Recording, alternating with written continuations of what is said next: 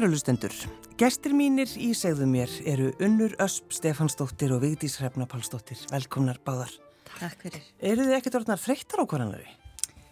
Alls ekki, það er nú það stórmerkilega eftir þetta tímabil sko. Já, ég spyrir að því að þið sko þið föðmuðust eins og þið hefur ekki bara sést í marga, marga daga. Já, bara mikil frákasenginni frá frumsýningakvöldi. Við erum bara búin að ringjast á og bara hvernig ertu og hvernig hefur það og við erum alltaf búin að vera saman sko eiginlega upp á mínútu í, í fleiri, fleiri mánuði núna og, og þurfa svona já, svona grafa í erfiðum tilfinningum hvort með annari, þannig að sem betur fyrr er mikil kærleikur á mittlokkar, annars er dansa erfitt. Já, hvað segir þú veitis? Erstu alveg bara, varstu alveg spennt að hitta unni þennan morgun? Alltaf gaman að hitta unni, sko. Nei, við erum bara búin að vera mjög nánar og góða vinkonu sem við kynntist í leiklisskólanum fyrir 24 árum. Mm -hmm. Og einhvern veginn, já, ég hef stundu sagt að við mannum minnum, við gætum talað endalust. Við getum bara setið og talað mm -hmm. og það er ekki leðilegt tal. Veist, það er bara, mm -hmm. það er að fara við hann völd með henni, sko. Þannig að er þið trúnaðar vinkonur? Já, aldeilis, aldeilis. Sóttist þið eftir þessum hlutverkum ykkar í þjóðlukursinu núna? Já og nei. Ég var hérna okkur um svona tímamótum að fara á milli leikúsa. Já. Þannig að ég var nú reyndar svo sem aðeins að skoða ekkur verk og svona og hafði ekki ólíkt viðdísi sem að þekkti efnið mjög vel þá hafði ég ekki lesið hérna bækunar en þannig að ég byrjaði á því að lesa leikirina sem er svolítið sérstatt sko því að hún alltaf fer kannski svona þessi öðruvísi yfir söguna og, og svona me meiri svona svipmyndir af mjög yfirgripsmikilli og, og spennandi sögu en það var strax náttúrulega eitthvað við, við þessi tvö hlutverk sem við svo endanum fáum að tólka sem, sem greipmann mm. Það eru náttúrulega bara, þú veist, það er ekkit oft sem að það er tækifæri til að fara í gegnum heilt æfiskeið með mannesku og í sögu sem að er svona út frá sjónarhörni hvenna og tekur á þessum svona mm, spennandi og hættulegu stöðum í sálarlifi hvenna sem að ferrandi gerir svona kannski umfram aðra höfunda að hún fer á þessa staði sem eru svona tabu og og eru pínu myrkir líka í, í okkar tilfengalífi mm. þannig að mér fannst það strax alveg ótrúlega spennandi. Þannig að, þannig að já, ég svona var strax mjög spennt fyrir þessu og náttúrulega ótrúlega spennt því ég heyrði að, að, að við fengjum tækifæri til að gera þetta saman í Óvítis sem að höfum ekkert leikið saman síðan í leiklisskólan sem er alltaf merkilegt. Það er svolítið ótrúlegt í rauninni þannig að það er, ekki, það er 20 ár síðan útskrifist Já. og þið voru semst í sama bekk. Já, á samni bekk sem þýðir hvað ef maður er í samabæk það er svona oft svona það kemur einhver svona tótn í fólk sem mm, er búin að vera í sama já. sem hefur verið farið í gegnum þetta saman Já það er bara, þetta voru áttamanna bekkir ég veit ekki alveg hvernig það er núna, ég held að það sé stundum tíu, tíu en þetta voru áttamanna bekkir og það þýtti það bara maður var bara með þessum sjö manneskjum allan daginn að gera alls konar æfingar og, og í leiklistaskóla og í leiklist, leikhúsi þá er verið að maður er að þjálfa sig í að, að, að framkalla allskynns tilfinningar og, og það getur verið mjög, hvað getur maður sagt? Krefjandi bara. Já, krefjandi og maður svona þarf að opna sig ákveð, afhjúbandi, mm, já, mm. þannig að það, það er að leiðandi myndast oft sterk tengst með fólkinu sem maður afhjúpar sig gagvart. Mm. Og við urðum hérna mjög náinn kannski helst uh, þrjú, ég, Vitisrefna og Ólafur Egil finnur okkar og, og við höfum haldið miklu sambandi og börnin okkar af orði vinir og þannig að þetta, það, þetta er oft svona staðurinn það sem að maður finnur sitt sko klan sko í, í leiklistarskólanum Já. Og þannig að það þótt svo að við vika höfum verið svolítið mikið í sikur leikúsinu og bara eiginlega ekkert í sömu verkefnunum þá höfum við alltaf haldið miklu sambandi mm. Þú varst, er það ekki veitis búin að lesa bækurnar og, og Jú, þú vissir allt um framhúsgarandi vinkonur. Ég bara las þessa bækur þegar þær komu út og, og bara, ég sökk bara oniðar þær bara tóku, tóku mig algjörlega. Það er svo gaman þegar maður fær svona í bók í hendur og það er einmitt bara, hún var svo vinsal strax á Íslandi og það er svo gaman að, mm. að, að, pæli því hvað, hvað var það? Af hverju, af hverju urðu við svona hrifina þessum bókum? Mm -hmm. Ég held að sé að hérna, auðvitað þetta sem að satt er bara í bæði verkinu og bókinu að þetta er svona áður óskrifuð upplifin hvenna. Mm, Auðvitað hefur verið skrifað út frá konum og konur hafa skrifað en þetta er rosalega nákvæm lýsing á átökum og sálarlifi hvenna og vinkvenna mm -hmm. og mæðgna og þetta eru þessi sambund sem við þekkjum allar og, og ég mitt held að þetta væri kannski þá, höfði það þá kannski sérstaklega til hvenna og eflust hafa konur lesið meira af bókunum. Oh, en maðurum sem að þekkir ferrandi ekkert, hann kom á síningun og, og sagði ég ætla að lesa ferrandi eftir þetta, mér fannst það alveg ótrúlega trós mm. og ég ætla að segja það við alla karlmenn sem eru að hlusta. Þetta er líka fyrir ykkur. Já, já. Nei, af því hann sagði við búum með ykkur. Þetta er svolítið gott. Við hlustum á ykkur hérna að tala um þessi flóknu sambund við mæður ykkur og vingunur og, og, og hérna Þannig að honum fannst þetta líka alveg bara ótrúlega spennandi og afhjúbandi og, og einhver nýr vingil. Já. Hún hittir á einhver tón held ég já, já. og þessa er... staði sem við höfum öll á á. Er það ekki? Jú, absolutt. Ég las þessa bækur hann á sínum tíma og fjallalegu fyrir þeim og svo uh, bjó ég uh, rétt hjá London þegar uh, Breska þjóðlikúsi var að að setja þessa síningu upp að þessar síningar, af því þetta voru tvær síningar út í London mm. og ákvaða ég ætlaði að sjá þær og var í sambandi við, við hérna, Magga, uh, Magnús Geir og, og Rafnildi hérna, heima og, og hvaðti þau mikið til að skoða þetta verk af því mér finnst það bara áhugavert mm. á marganhátt bæði þetta breyða personugalleri sem hún skapar og, og eins og önnur tala um þessi, þessi ólíku ólíku hvað, ekki kannski vandamál verkefni mm -hmm. ólíku hliðar á einum íms, hliðum konunar og samböndum og svo líka bara þetta samfélag Já. ofbeldis og, og, og fátæktar sem að hún mm -hmm. afromantíserar að mínum hætti mm -hmm það er, svona, það er svolítið erfitt einmitt að bæði lesa eða sitja í salnum og horfa á akkurat allt, allt þetta ofbeldi. Mm -hmm. Já, það er gengdalust ofbeldi. Já. Og við náttúrulega hérna í okkar svona skandinavíska velferðarsamfélagi sem að skupum okkar einn vandamál með Já. því að sprengja pjónabönd og, og annars líkt sko. Þekkjum kannski ekki þetta beina ofbeldi þótt svo að auðvita ofbeldi gegn konum náttúrulega grassirar í öllum samfélagum. Þá, fann, þá fundu við svona nýjan í raun og veru vingila þetta allt saman bara á síðustu vikum sko og, og, og það er það sem við erum alltaf að reyna að gera í leikursinu, við erum alltaf að reyna að tengja það einhvern veginn við núið og, og samtíman og það sem við erum að upplifa í dag en samt einhvern veginn skapa trúverðuðan heim, þú veist eins og í þessu tilfelli Napoli fyrir 70 árum mm -hmm. en þegar að svo bara styrjöldin byrjar í, í úgráðinu eða stríðið þá náttúrulega það, það var mjög svona afhjúpandi fyrir okkur sem leikóp sem eru bara eitthvað leiki leiki inn í fjölkúsi mm -hmm. og þú veist þannig að hvað ég segja, þú veist, ég menna við fáum náttúrulega bara öll alveg rosalega vannmátt á tilfinningu þegar svona frettir herja á okkur. En, en þá fer maður alltaf öðruvísi inn í sögu eins og þessa. Og þú veist það eru þarna senur sem að, e, þú veist það sem er bara hennilega átök, svona klíku átök og svona, svona stríshernaður að hefjast í, í hérna hverfinu sem að maður fer allt öðruvísi inn í dag og eru sannarlega óþægilegri fyrir áhörvendur að því að, já hvað, þú veist þetta er allt einhvern veginn já, þetta verður allt svo, listsköpun verður svo tilgangslis ef við, þú veist, trúum því ekki að við séum í raun og veru að reyna að breyta ykkur með henni. Og þannig að já, allavega tala ég fyrir sjálf á mig, maður er náttúrulega bara búin að vera mjög viðkvæmur sko út af ástandinu og, og þá einhvern veginn fyrir þetta snúast meira um stóra samiki og, og að reyna, já bæði að uh, veita fólki afþreng og erfiðum tímum en líka eitthvað sannleika og insýn inn í, í heima sem eru kannski okkur í Reykjavík uh, ekki mjög hérna nærri á þessu mómenti mm. en er grassir, þetta ofbildi grassir er náttúrulega bara út um allan heim. Og manneskjan er nú bara manneskjan. Já, já það sem hún er. Akkurat. Þa, það vitu við. Það vitu við, já. já. En svo líka, það er svo erfið, erfiðar senur í tengslu við misnótkun og það mm. er mhm. einhvern veginn hvernig, uh, maður er náttúrulega ekki að segja frá uh, síningun en einhvern veginn bara hvernig salurinn þagði, það kom bara þögn mm. og hún var alveg nöys þykk. Já.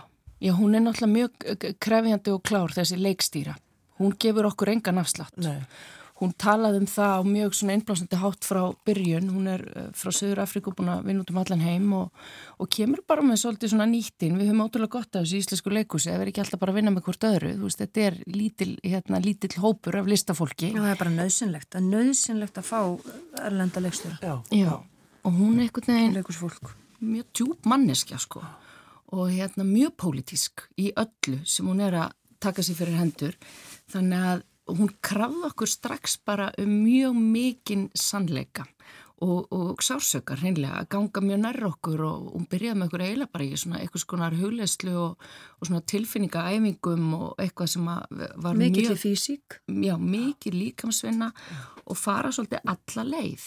og þú veist, það, það er náttúrulega bara hérna gjöf fyrir maður sem listamann þegar mann er auðrað og, og það er ít við mörgunum hans. En, en svo náttúrulega bara er þetta alveg ótrúlega stór hluti af reynsluheimi hvenna, því miður. Ég var nú með hérna Jún Vimmen í mörg ár og, og, og sökti mér í þessa tölfræði sem er bara skelvileg þú veist, að bara eina eina hverju þrejum konu verður bara fyrir kynfyrirsofbildi og það er bara starrend og hérna Og það gerist náttúrulega eitthvað hérna, innra með okkur þegar þessi mörg eru svona, hérna, þegar rugglaði þessum mörgumanns í talnugum sem börnum eins og í þessu tilfelli. Og, og hún, hún bara fer með það á mjög svona djúpan og, og skrítin stað ferrandi og leikstjórin fylgdi því bara eftir að, að já, þetta öðrar áhöröndum skulum við segja, mm. ekki með einhverju splattir eða einhverju svona, nei, nei. nei heldur meir einhverju sálrænu, þú veist, hvað gerist innra með okkur, það brenglast eitthvað í mörgunum okkar sko. Og það er alveg ótrúlegt hvað hún lætur personuna mína gera í þessari sögu. Og okkur langaði mig og ég að fara bara á mjög um, augrandi stað með það. Og ég hugsa að já, að, að hérna fólk geti orðið svolítið hugsi með það sko, af hverjum gerir það sem hún gerir í já, þessu tilfelli sko. Já, já. og þá, þá þarf auðvitað mjög mikið tröst á milli leikara mm. til að geta gert þetta. Já, já, nákvæmlega. Verð ekki brjálaður út í leikaran sem að er að leika. Neini, og, og fara með honum á þessu óþægilegu stað. En að því þetta búin að taka svo langan tíma, veitis, að, að þið byrjið í leikusinu fyrir Það er eitt og halvt ár eða hvað, tvö ár? Já, hvernig byrjuð við? Áttum að byrja í ágúst 2021. Já, ég er alveg hann rugglu. Það, það er meira en tvö ár síðan að við byrjuðum allavega að lesa þetta og Já. fengum hlutverkinn, sko. Hvernig fannst þið svo veist, að byrja aftur? Veist, búin að vera setjað einhvern veginn á pásu, hvernig fannst þið það? Já, við erum búin að byrja núna þrísvar eða fjórum sinni. Já, og það var, svona, það var alltaf vombrið að stoppa og svo var líka svona eiginlega svolítið erfitt að byrja aftur. Já. það er svona að keira mótorinn aftur í gang. Svona svolítið kvíðablandin byrjun. En svo bara bara gerum við Já, og mæti bara í vinnuna og, og kemur sér í stöðu, skilur við En það, það er alltaf einhver einstaklingu sem fylgir þér í leikúsi núna þess að dagana Já, ég sem sagt Það er einhver skuggi. Já, lítill skuggi í lífið mínu. Nei, lítill ljóskeisli í lífið mínu. Uh, Ég sem sagt egnaðist fjóraða batni mitt uh, í einni pásunni Já, sniðu, og, rosa sniðu Já, það var svona óvænt ána já, já. og, og hvernig gengur það fyrir þig? Að... Það gengur bara vel maðurinn minn er búin að vera í fæðingarólofi og hann hefur komið með drengin okkar sem er ekki komið nafn, ofinbellega uh, niður í leikhús bara til að gefa honum já. og hann er uh, 8 mánuða og er ekki komið nafn? Nei Þau eru, þau eru svo sammála, hjónin. Er það? Nei, þetta hefur verið svona svolítið snúið. Við erum búin að ákveða nafnið en hérna svo ætluðum við að hafa nafnaveislu en COVID segðu það bara hér. Já, einmitt. Góðu stað til tekina. Já, ofsalega góðu stað. Nei, en, það hefði nú sett marga leikaran, leikaran á hliðina að vera með batna brjósti ofan og þetta tilfinningarlega álag sem að veitis er undir í þessu hlutverki, sko. Að þetta er náttúrulega bara hérna, mjög svona, hvað ég var að segja, stór saga og djúpar tilfinningar og heilt æfiskeið og, og alltaf tekinn pása og barnabröst ég maður bara hvernig ég var svona í, í hormóna jafnbæðinu sko en þetta gekk alveg ótrúlega vel verði ég að segja, bara dáðist að því. Lítið sér bara svona yfirveguð. Hún, mm, Nei. Myndi nú kannski ekki nota það lýsingar og en, en þetta er bara búið að ganga rosa vel sko. Já. Já. en ég hef gert þetta áður Úst, verið að æfa og verið með mjög lítið batn og, og einmitt mm. maðurinn minn verið bara á hliðalínni Já. og auðvitað geti ég ekki gert þetta ef hann væri ekki til í þetta líka sko. Nei, nei. Velgift. Vel En, gift. en svo verður maður náttúrulega líka aðrulegs í svona samingi. Þú ert bara með pínlítið batsm og þú ert að gefa borða. Já. Þá getur ekkert verið að stressa þú mikið á okkur senu og við höfum gott af þessu sem listamenn. Já. Að vera ekki neginn ekki í okkur sjálfum heldur, þú veist. Verið í aðrulegsinu. Já, segi týpur um mamman. Já, já. Lótum við það ekki það. En sko, var, var það alltaf planið að eignast svona mörg börn, stelpur? Á einhverjum tímapunkti já, en svo ekki. En svo bara, Allt í hennu bara komið svo fjögur. bara stígur lífið inn í og, og maður, við erum allt í hennu orðnar fjögur að batna mæður. Það var alls ekki planið á mér. Alls, Ekki? Ekki sérstaklega mikið fyrir börn. Nei, Nei, nei, bara í kannski Þú ert nú alveg sérstaklega badgóð. Ég geð- er það? Já, Jesús. gefur þið mikið að börnum og sí, sýnir þið mikla aðdegli. Guð mig góður, já, já. þú har bara aldrei heyrst þetta. Nei, ég kannast ekki við það. Nei, við, ég held að við ætlum í svona tvö, mestalega þrjú. Já. En, En við erum báðar mikla fjölskyldumanniskjur. já, já, Veist, við, við erum best heima hjá okkur. Já, okkur finnst gott að vera heima og, Mhm. og vera með okkar fólki og svona, við erum ekkert svona í miklu útstáðulsi hvoru okkar sko. Það, það hefur eiginlega alltaf verið þannig eftir að maður fullarnaðist sko. Já, Við erum ekki fara á happy hour eða eitthvað svona. Er þið bara, nei, við Minna. erum bara heima. minna, já, Minna, já. bara happy Já, á ekki heima. mikið sko, ekki mikið djam. Nei. og hvað, þú, þú ert svo sniðu vitist, þú giftist uh, húsa, uh, húsasmið, eða húsasmiðamestara. Já, já, hann var nú ekki húsasmið þegar við byrjuðum saman. Nei, En sniðu þetta að vera með handversmennina. já, það getur verið það. Já, hvað heitir þinn mann, vitis? Við hittumst nú bara á sirkus Sko, á djamminu. fyrir Ég- 22 árum. Ég er nú fein að heyra það. Já. Það var, það var eitthvað. Já, já, það var alveg, það var alveg tekið á djaminu sko. Við erum í leiklistaskólan þegar að veiti strómuð út í glugga og fjóruða hæð til að sína með smiðin þarna eða það var hann venni ykkur í bíómyndi, íkingut og sína mér hennan, hennan mann sem var neyri í porti í leiklistaskólan svona líka rosalega sætur. Já, Við vorum svo glöð vinnu eina viku þegar við sáum bassa sko, Já, alveg, sjáðu þið þennan hann með hamarinn. Já, það var bara þannig. Manst ekki, þú út í glugga. Já, já. Eftirminnlegt moment. Já, Bassi var kynntu til sögunar, sem á ammal í dag. Sko. Til ham ekki bassi. vitis hún bara, ó, hættið að tala um þetta. Já. Ég sé það alveg á svipnum aður. Ertu svona, þú veist, ertu, ertu ekki sérstaklega svona opinn einhvern veginn að tala um sjálfa þig? Fyrst er það ekki þægilegt? Nei, það ekki með dæli. Nei. Nei, ég, ég er frekar prívat manneski held ég. Já, þú ert það. Já. Já. Og ferð svona, það er einhvern veginn einmitt, þú, það, þú ert eitthvað lítið í viðtölum, þú ert ekkert svona, hér er ég. Ekki að mikið og ég. Já, já, ekki eins og hún unnur. Minnst ég alltaf vera þetta. Jésús. Nei, nei, ég, ég, nei, ég er ekkert mjög mikið fyrir Nei, já, að tala um mitt prívatlíf. Ekki að virka á Facebook og hennar. Nei. Nei, nei, nei, nei, nei, nei. Hefur, hefur alltaf verið þannig, svona prívat.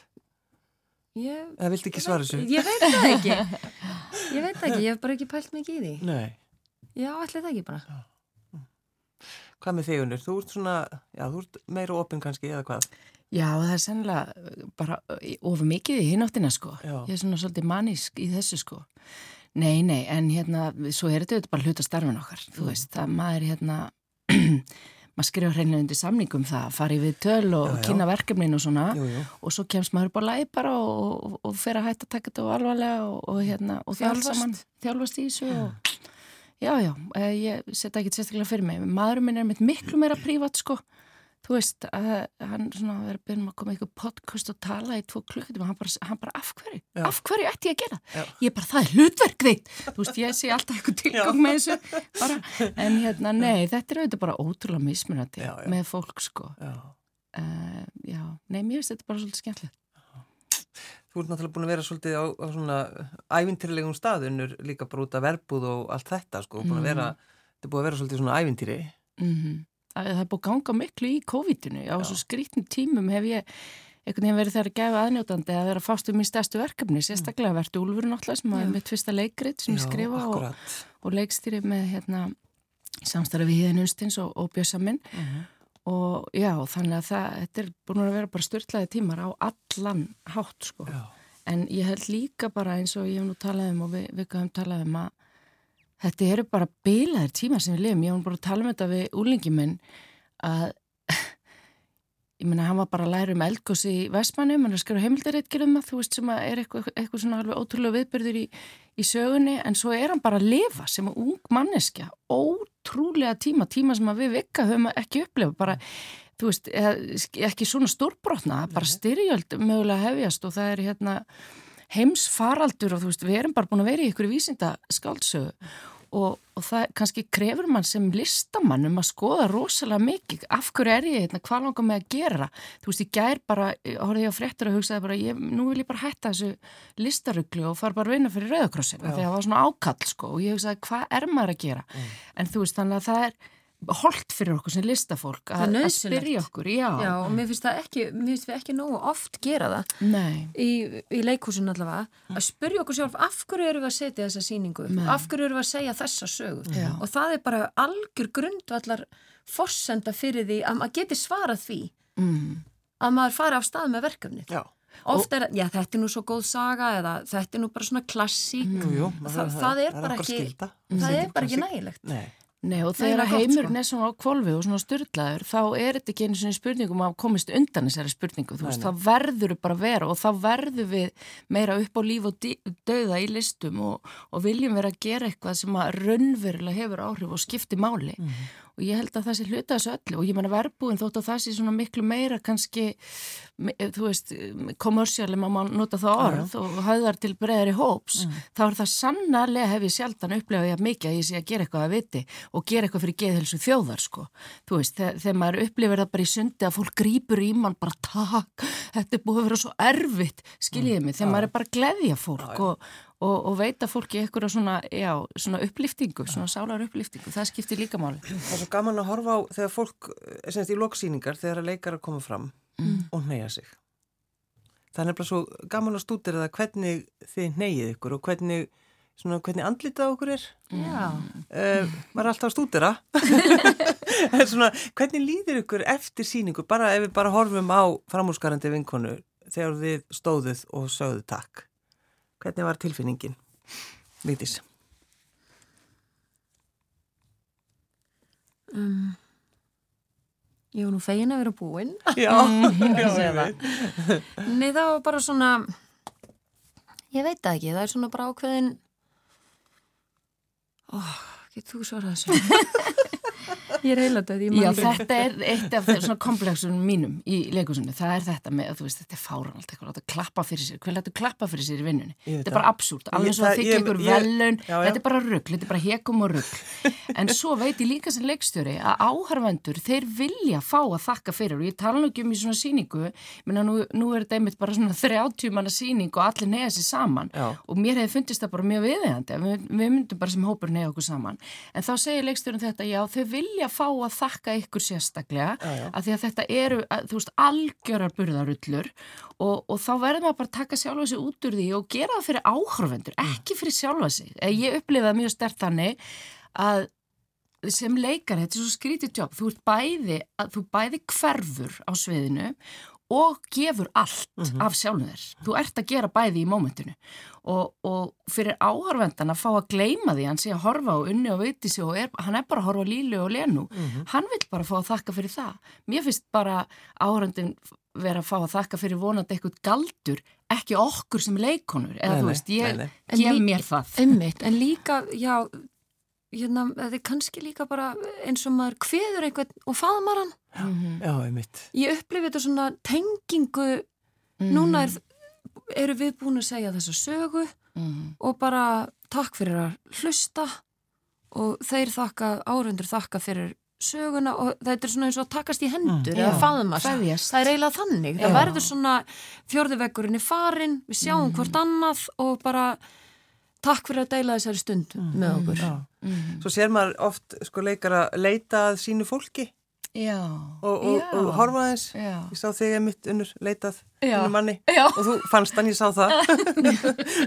En hvernig er það þegar þið neyðið ykkur sko, neyðið ykkur alltaf eins Já, ég ger það. Þú setur alltaf löppina. Heyrðu, finnst það að skul segja þetta, já. að því að ég talað um þetta, hún er svo nákvæm leikstjóri, hún segði að við nefnum okkur bara niður. Já. Bara með höfðinu. En ég gerði þetta óvart, ég gerði þetta alltaf. Ég, ég mitt bara sá okkur ljósmynda þessu eftir og ég bara, að ég þarf að passa þetta. Hún vildi að við værum hlutlausari. En þarna gati greinlega ekki skilja sjálfa mig meira eftir það. Ég fó bara í önsuna og bara setti svona ballettlöppin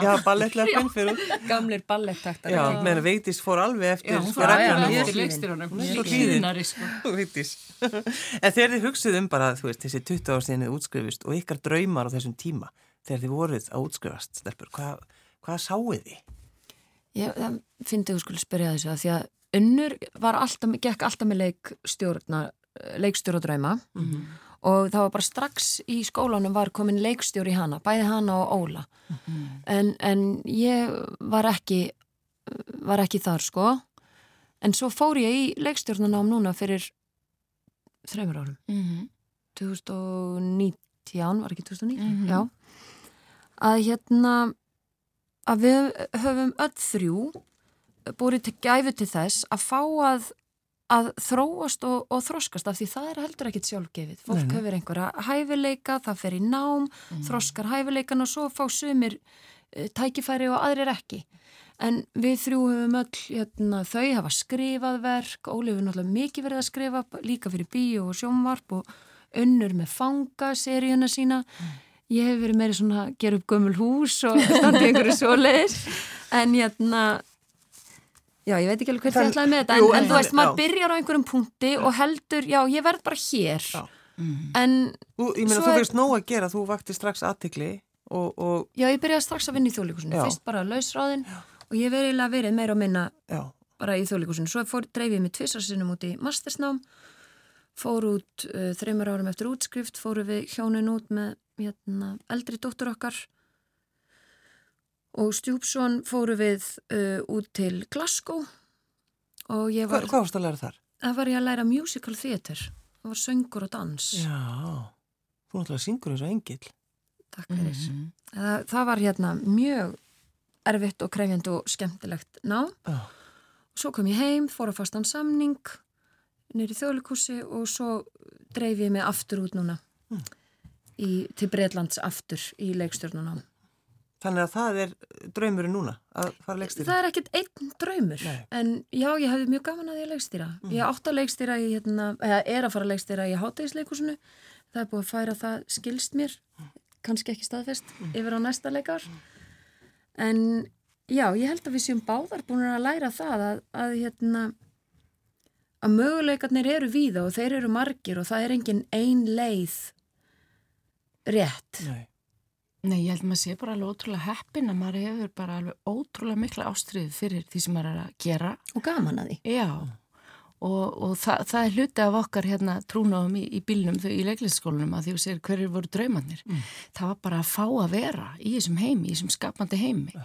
og, og mín ástrið er aðalega að segja sögur sem skipta máli þú veist, ég hef alltaf verið með þessa leikonu kompleksa, finnast það eitthvað en ekki alveg nóg en, en svo bara sem betur fer næ ég líka að fara alveg inn í það á, á þeim fórstundum en ég hef alltaf eitthvað nefn þurft svona svolítið að skilgreina með fólk hefur verið svona að segja við mig þú veist ekki um tína kannski að því maður er kona þú voru að ákveða hvað ætlar að gera. Þú veist ætlar að leikstýra eða skrifa eða leika. Og, og, og bara síðast í þar síðustu viku var hérna ágættu kollegi að segja þú voru að hætta að hugsa um heldamindina þú voru að hætta að ágjör á styttingum í þessari síningu lektu bara til hlutverk. Og ég svona já já, svo ég segi, æ, ég er hætta að afsaka mig. Já. ég er bara svona og ég hef áhuga á heldamindinni og það hjálpar mig líka sem leikona og ég ætla að hætta að reyna að vera eitthvað eitt að því er það ekki. Mm. og, og þú veist, ég vil bara halda áfram að, að fá að segja sögur og koma að þeim á, á ólíkan hátt. En ég finn eftir því sem maður eldist og eftir því sem maður regnast fleiri börn þá get ég minna kompromissera að gera eitthvað sem ég brenn ekki fyrir. Ég verð að brenna fyrir því. Og, og það er áskorun alltaf fyrir okkur að því að hérna ef að við viljum, þú veist, brennum ekki fyrir því á þann hátt að, að, að áhraundum verður að, þú veist, fara upp á sætist bríkina, þú veist, við, þetta stendur og fellur með okkur sem stöndum aðna mm. eða berum ábyrði á sögunni. Við draugum vagnin, sko, hvort sem við erum að leikstýra eða, eða ber upp í síninguna þannig að það, ég hef lært það sko, að ég hef einstaklega sem ég lendi því að gera eitthvað svona aðeins og fórsöndu mannara og eitthvað kompromissera aðeins og ég finn ég geta, ég get ekki lengur unnið þannig Nei. með mína stóru fjölskyld og svona, þú veist, þannig að maður hefur bara ekki þólumæði Nei, eða, eða mér, bara... mér finnst bara lífið og stutt Já, En svo geta verkefni líka komið manni óvart. Mm. og maður hefur farið í eitthvað sem hefur átt að vera draumaverkefni og það Já. hefur reynst verið ekki leðilegt og svo hefur maður verið neittur til að fara í einhver verkefni sem manni finnst ekkit spennandi. Og þau hafa einhvern veginn verið með einhverja falda geimsteina fyrir mann. Mm. Þannig að það er líka erfitt að að sjá hluti fyrir Hva, verkef, hvernig verkefni þróast mm. Mm. Sko hafið þið sko lært bara inn á ykkur sjálfar eftir þetta þessa vinnu alla í ferandi framhúsgröndi vinkunum, þú veist, er þið hafið þið breyst eitthvað? Já, mér er svolítið, sko er karakterin sem ég leik, hún Líla hún er hérna mjög svona afgerandi manneskja og eins og bara alltaf í, í hérna, leikúsinu þá þarf maður að sækja þetta í sjálfan sig uh. -huh. og já, ég held að þetta hefði svona kallað á og ég bara hjá okkur báðum við hefum eiginlega rætta svona mm. þessar ólíku personur sem að við, við finnum í okkur sjálfum og draugum þar að leiðandi karakterenginu úr okkur sjálfum til að mm. leika þær það er svona hefur neitt mann til að svona horfa svolítið inn á við. Já. Já, sem að nenni kannski ekki alltaf. Nei, ég veit. Nei, og ég menna ef maður ætlar að, þú veist, gefa allt í svona hlutverk þá þarf maður að kafa svolítið djúpt í sjálfu sér og við þurftum að kafa djúpt í okkar vináttu. Það var áskorun, það var bæði mjög erfitt og mjög gaman og gefandi. Mm. og, og hérna við höfum grína með það þetta var eitthvað mjög rétt kastað sko. Að því að auðvitað, þú veist, auðvitað er svona tæpkast mjög óspennand og svona. Mm. en eins og ég sagði áðan, þú ert samt allt sem að sko þú, þegar þú mætir á sviði þá ertu allt sem þú hefur lesið og séð og upplifað. Þú mm. ert það bara, já, já. þú leikur eitthvað, en samt er þetta ofta að fara í gegnum miklu erfiðar reynslu en þú hefur gert en þú tekur allt með, þú tekur sjálfa þig með. Þannig að það, það þú veist, það, það var það voru svona element í þeim Já. sem að hendu okkur mjög vel, þú veist, ég er meiri diplomat og svona aðeins meira pæli hvernig finnst og haldinlega góðum og eitthvað svona og, og, og ég er svona hérna... svolítið kvassari á brúnunum Já, samkvæmari sjálfur er á sama tíma, þú Já. veist, það, þetta eru svona kostur og gallar, þannig að þetta lág vel fyrir okkur en svo er þetta einmitt um ógæslega erfiða staði á millið þessar að tveggja hvenna og þar þú veist þurftum að fara meðvitað og ómeðvitað inn í það á þess að gera það kannski með samtali við gerum það í gegnum líkamann á okkur og hlustun og í senunum og stundum fórum maður út á sviði og, og leið ekki vel og bara vó þetta var hérna var mér augrað en er, þá er maður fyrst að gera eitthvað rétt að því við verðum, ég manna hérna Harp Arnar og Gíó kendi manni það á okkur viku í skólanum að vopnallíja er dauði í leikúsi þú veist það má aldrei vera, já já, alltaf þú gerir þetta svona, já þetta svona, ha ha ha. Þú veist þetta verður, við verðum að augra og hérna vera í hættunni á sviðinu. Og þá þarf við þetta að vera mikið tröst á, á millokkar og þá er þetta gott að vera vinir fyrir sko. Ég veit ekki ef maður hefði gert þetta mot einhverju manneski sem maður þekkti ekkert sko, þú veist. Eða bara þóldi ekki? Já, eða það. Það hefði líka verið mjög flókið sko. Það hefði ekki verið hægt. Nei, það var rosa kærleikur í öllum hópnum Já. og mikið tröst og hérna, þannig gáttu við farið í gegnum þennan öldudala, við erum alltaf að fara fram og tilbaka og þessi risa síning og mikla nákvæmni í leikstjóranum og, og challengeið sem hún gaf okkur líka að ganga nærra okkur og svona. Hún sagði, hún sagði ef þið eru ekki eins og undnar tuskur tilfinningarlega eftir þetta þá hefur okkur mistekist. Þetta var saman bara rétt fyrir frumsýningu. Og við erum það sannarlega. Eftir þessa síningu Þið er búin að vera, vera þannig bara síðan á, á lögðar, það ekki? Stelpur, já, svolítið. eins og lesta við kyrti yfir okkur. Já, en þetta mun ekki huga að fá okkur á mánundag en ég, ég bæði ykkur að velja lag það er náttúrulega ítalst það er uh, Vigdís, þú vildir þetta lag. Já, þetta er ítalska hljómsveitin Måniskin. Sem er frábær hljómsveit. Sem er frábær hljómsveit. Ég þekki það svo lítið, ég er mjög spennt. Hvað, Eurovision? Já, ég þekki það lítið. Ég sá það náttúrulega bara hérna í Eurovision. Já, já. Eða þau. Já. Nei, ég var full fordóma. Ég er ekki mikil Eurovision aðdáðandi. Ég var full fordóma, en maðurinn minn, hann hérna gafst ekki upp og spilaði þetta mikið og, og ég er orðin aðdáðandi þannig að þetta er fyrir hann. Það við erum að gera þetta þegar bassa enda á lægin fyrir bassa. Nú veit þjóðum það. Unnur Ösp, Stefansdóttir og Vítís Refna Pálsdóttir Takk fyrir að koma. Takk fyrir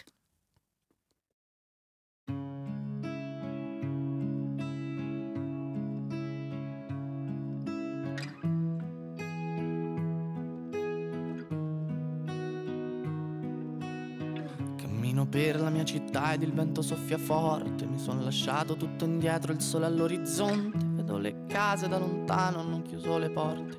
Ma per fortuna la sua mano e le sue guance rosse. Mi ha raccolto da per terra, coperto di spine. Coi morsi di mille serpenti, fermo per le spire. Non ho ascoltato quei bastardi e il loro maledire.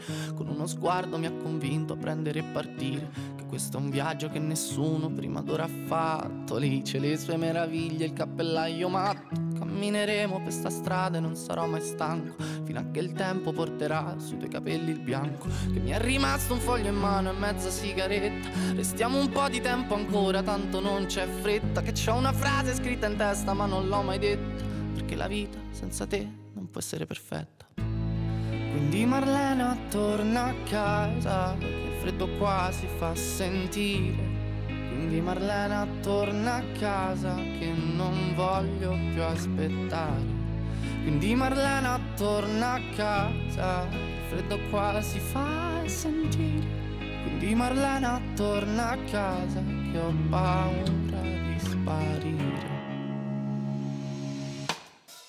cielo piano piano qua diventa trasparente, il sole illumina le debolezze della gente, una lacrima salata bagna la mia guancia mentre lei con la mano mi accarezza in viso dolcemente, col sangue sulle mani scalerò tutte le vette, voglio arrivare dove l'occhio umano si interrompe per imparare a perdonare tutte le mie colpe, perché anche gli angeli a volte hanno paura della morte, che mi è rimasto un foglio in mano e mezza sigaretta, corriamo via da chi c'ha troppa sete di vendetta. Da questa terra ferma perché ormai la sento stretta. Ieri ero quiete perché oggi sarò la tempesta. Quindi Marlena torna a casa che il freddo qua fa sentire. Quindi Marlena torna a casa che non voglio più aspettare.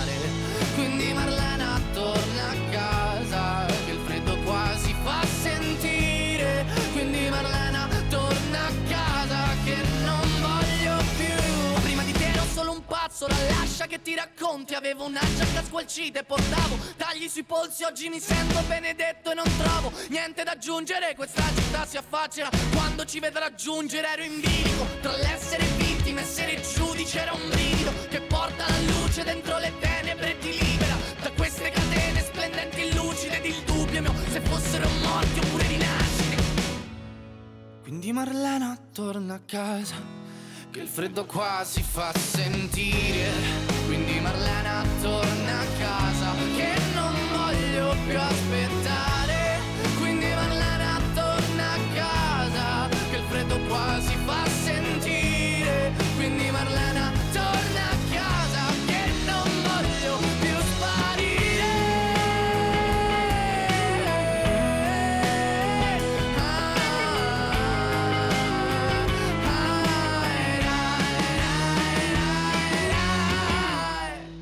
Marlena torna a casa, che freddo qua si fa sentire. Quindi Marlena torna a casa, che ho paura di sparire.